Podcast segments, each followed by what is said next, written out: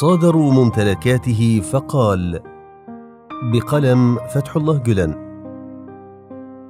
سمعت مرارا من غير واحد من الإخوة ممن كانوا ابطالا في البذل والعطاء والإنفاق وصادرت الحكومة التركية ممتلكاتهم ظلما في الآونة الأخيرة يقول أنا بدأت عملي اجيرا بسيطا ثم جئت إلى اسطنبول اشتريت ارضا بمكسب متواضع.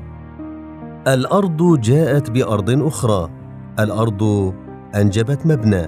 المبنى أنجب مبنى آخر ومن ريعه أنشئت مبان كثيرة ومنها أنشئت فلل ومنها أنشئت مساجد عملاقة كذلك الذي أنشئ في جنوب أفريقيا. كان الله هو المعطي يومها وهو اليوم يأخذها. يحكي ذلك مبتسما.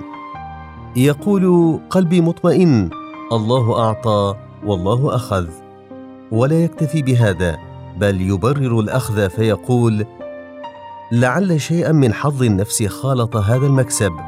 لعل الحساب عليه سيكون شاقا في الدار الأخرى فأخذه الله هنا ليعفيني من الحساب هناك. هذا تفكير أبطال الإنفاق عندكم. في اللحظات الأولى من الصدمة ينبغي الاعتصام بالصبر. فخر الإنسانية صلى الله عليه وسلم يقول إنما الصبر عند الصدمة الأولى. عندما يطعنونك بالإبرة صر على أسنانك ولا تقل أف. سنستمر على هذا النحو. سنصبر عند الصدمة الأولى وبعدها ولا نشكو. رأينا شدة الدهر. على الله توكلنا. ربنا عليك توكلنا وإليك أنبنا وإليك المصير. حسبنا الله ونعم الوكيل نعم المولى ونعم النصير. هذه أنفاسنا التي نرددها.